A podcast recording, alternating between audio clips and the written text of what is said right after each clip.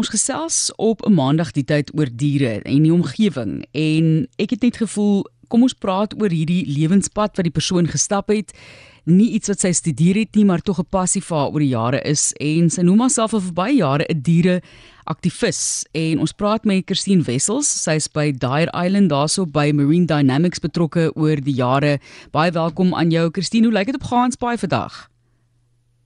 Dankie Martelies. Dit is die mooiste dag. 27 grade en ehm um, die water is 19 grade. So ek kan nie wag nie. As ek klaar gepraat het met jou, dink ek is tyd vir 'n swembroekie in see toe gaan. Veral as die water so lekker warm is. Fantasties. Ons gaan nou 'n bietjie praat ook oor die werk wat jy doen, maar ek het nogal gedink is interessant. Jy weet as jy nou gaan en jy kyk nou na die opsies om te gaan studeer. En jy kyk nou na daai boekie wat die universiteit aanbied of colleges aanbied en uh, hoe dit ook al sê dan staan daar nie diereregte aktivis nie jy weet.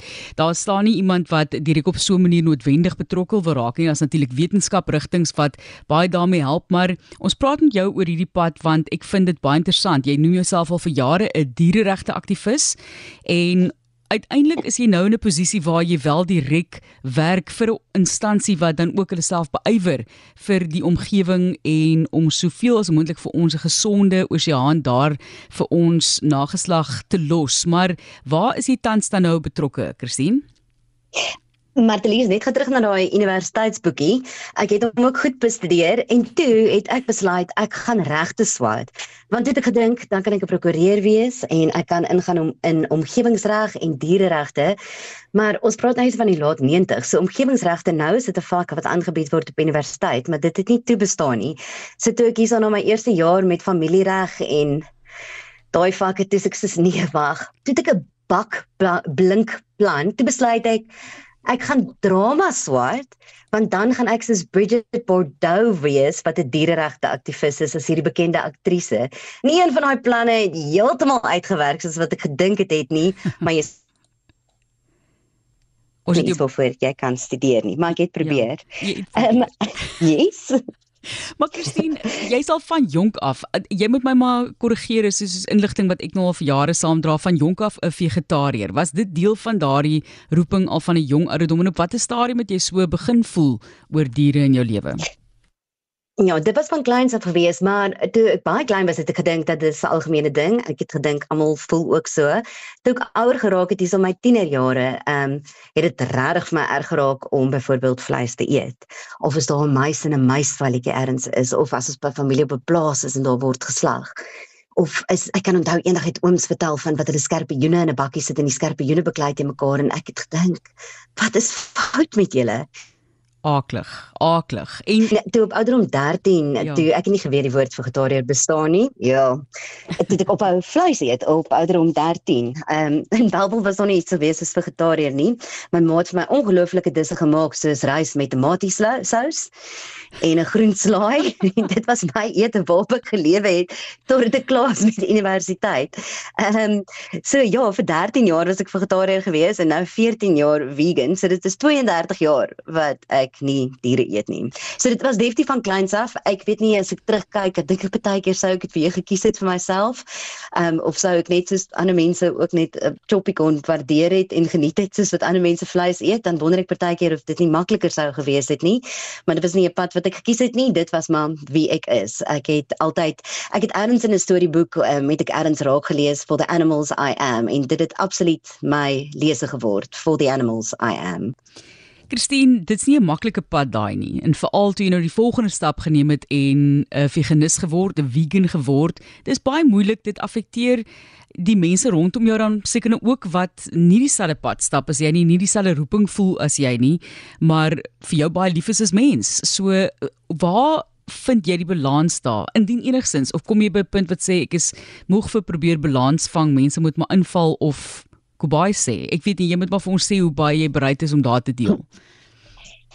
Ek dink dit raak ook makliker soos wat met 'n mens ouer raak, 'n mens besef dat verskillende mense staan vir verskillende dinge. Hulle is passievol oor verskillende dinge. Vir party mense is dit om mense te ondersteun, uh opvoeding, mediese hulp, sorg, sopkombuis. My ma is lief vir sopkombuis, want sy is net so lief vir 'n stukkie boerebors.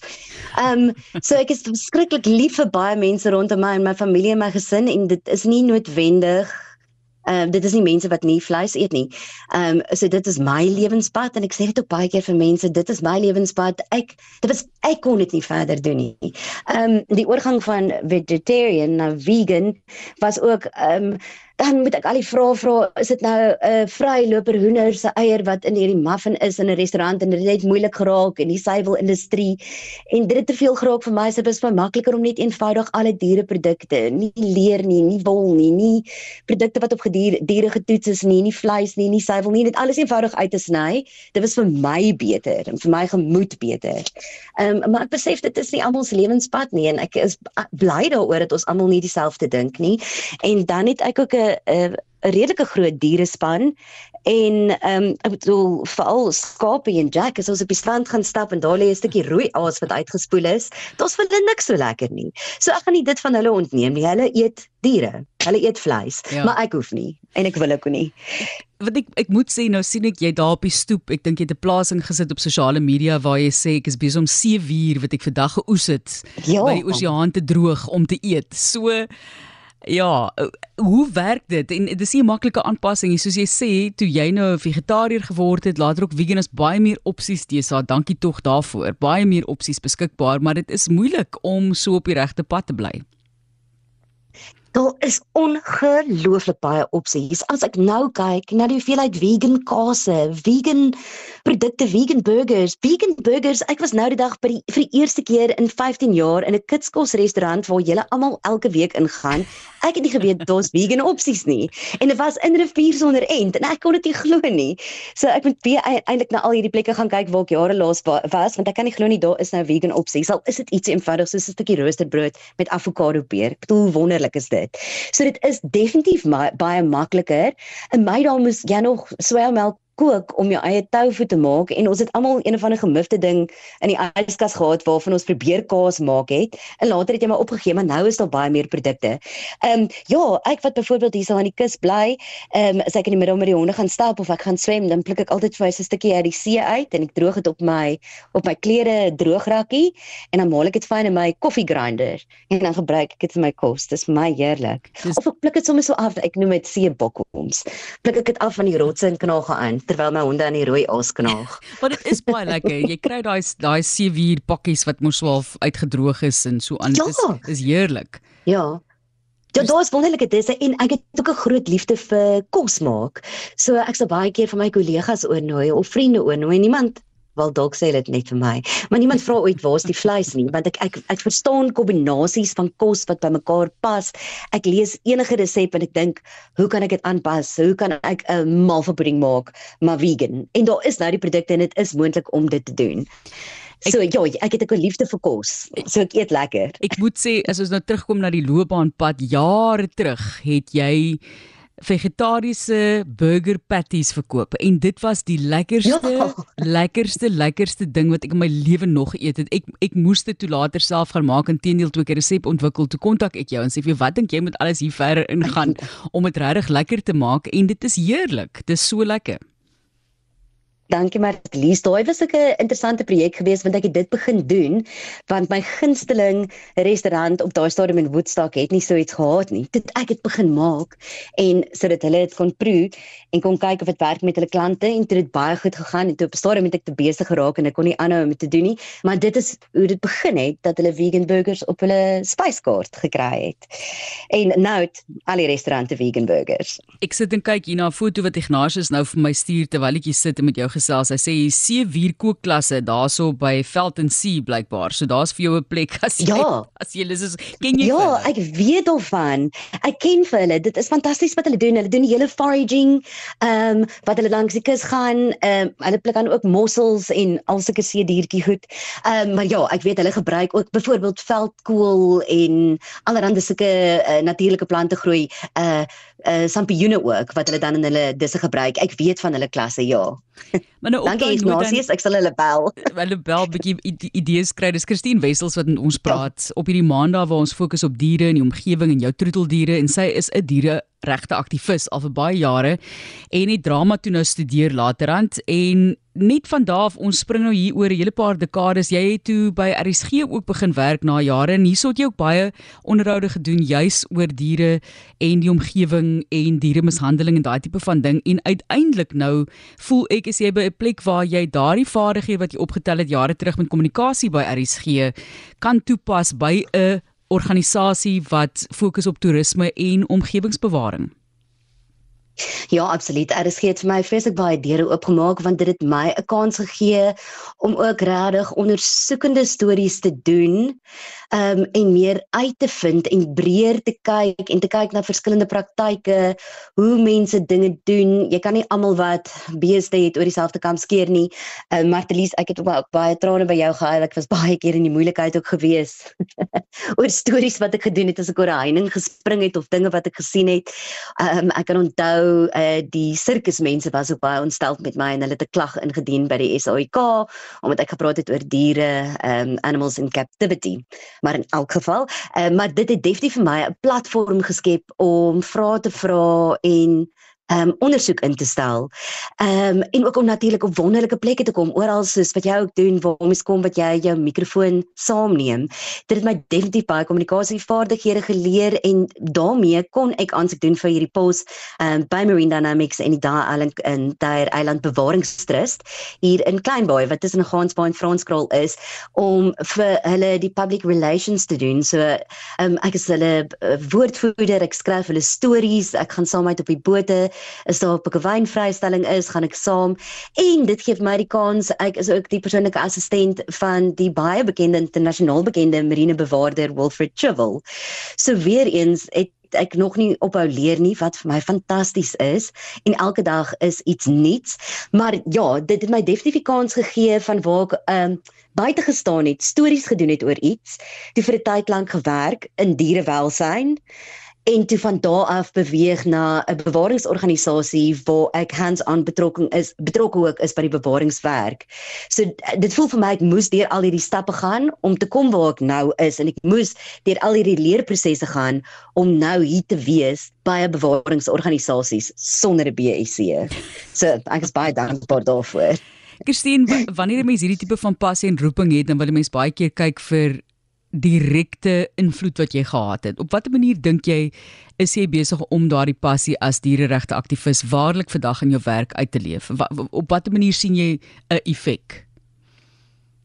Ek sal net kan hoop dat daai effek is. Um ons het 37000 besoekers by Marine Dynamics wat die ekotourisme is ehm um, die ekotourisme been daarvan 37000 mense wat ons in 2023 besoek het. En vir elkeen van daai 37000 mense is daar 'n inligtingvideo voor die tyd wat ons vir hulle verduidelik waarna ons gaan kyk as ons op die see is, die bewaringswerk wat ons doen en dan ook vir hulle sê hoe hulle ons kan ondersteun. Ehm um, byvoorbeeld vir die mense wat saam met ons pragtige koperhaie gaan duik, sê ons ook altyd dat ons baie graag hê dat jy moet Kleinbaai verlaat Marine Dynamics en jy moet 'n ambassadeur beheer wees vir see diere en vir haie. So ek kan net hoop ons kry baie keer ongelooflike terugvoer van mense of mense wat iemand stuur om te kom of iemand wat terugkom en wat sê hulle het marine biologie gaan swat want hulle was regtig geïnspireerd deur die werk wat ons doen. So ek kan definitief sien dat daar mense is met wie ons direk werk wat regtig aangeraak word en wat vir die eerste keer besef maar hierdie is 'n situasie dis wat aangaan in die marine omgewing en ek kan iets daaromtrent doen. Ek kan hierdie organisasie help. So ek kan net hoop dat ja, mense regtig dat daar eers 'n 7 uur saadjie geplant is by al hierdie besoekers. Ehm um, wat 'n bydrae kan maak om ons oseane te bewaar want ons is afhanklik vir die oseane. Sonder die oseane is ons weg. Ja. Ons bestaan nie. Dan is ons in groot moeilikheid. Christine, ja. baie baie dankie. Mense kan nog so lank praat oor die pertinente fisiese teenwoordigheid daarso en wat jy daar sien. Daar is natuurlik 'n dokumentêr wat ek nou uitsaai op RSG donderdag aand wat ek saamgestel het en jy het ook vir my gehelp om met Wilfred op so 'n manier kontak te maak om te sien wat jy daar sien. Baie sterkte daarso en geniet hierdie pragtige deel van ons wêreld en ek is baie bly dat jy vandag jouself op hierdie manier kan uitleef soos wat ek dink jy nog altyd na gestreef het. Baie dankie vir die gesels en dat jy so openlik met ons gepraat het vandag. Dankie Bertelies en ek sien uit na jou kuier. Ja nee, ek ek al vir jare wil ek daar draai gaan maak om te gaan kyk wat 'n werk hulle daar doen. Baie baie interessant.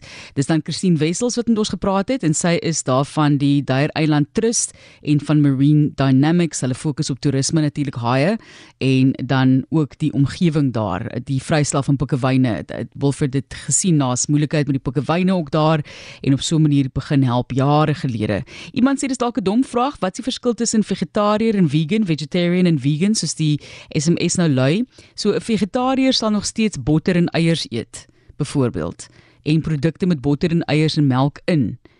Nie vleis natuurlik nie en geen vis nie. 'n Pescatarian is iemand wat wel vis in hulle dieet insluit.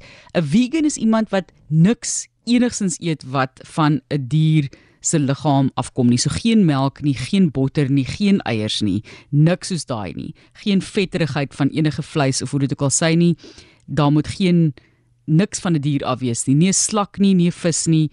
En soos hy gesê het, niks daar van die see behalwe die plante nie. So dit is Christine Wessels wat met ons gepraat het en ja, sy's 'n oud kollega hier by RSG en dan nou daarso betrokke met bewaring in die Gansbaai area.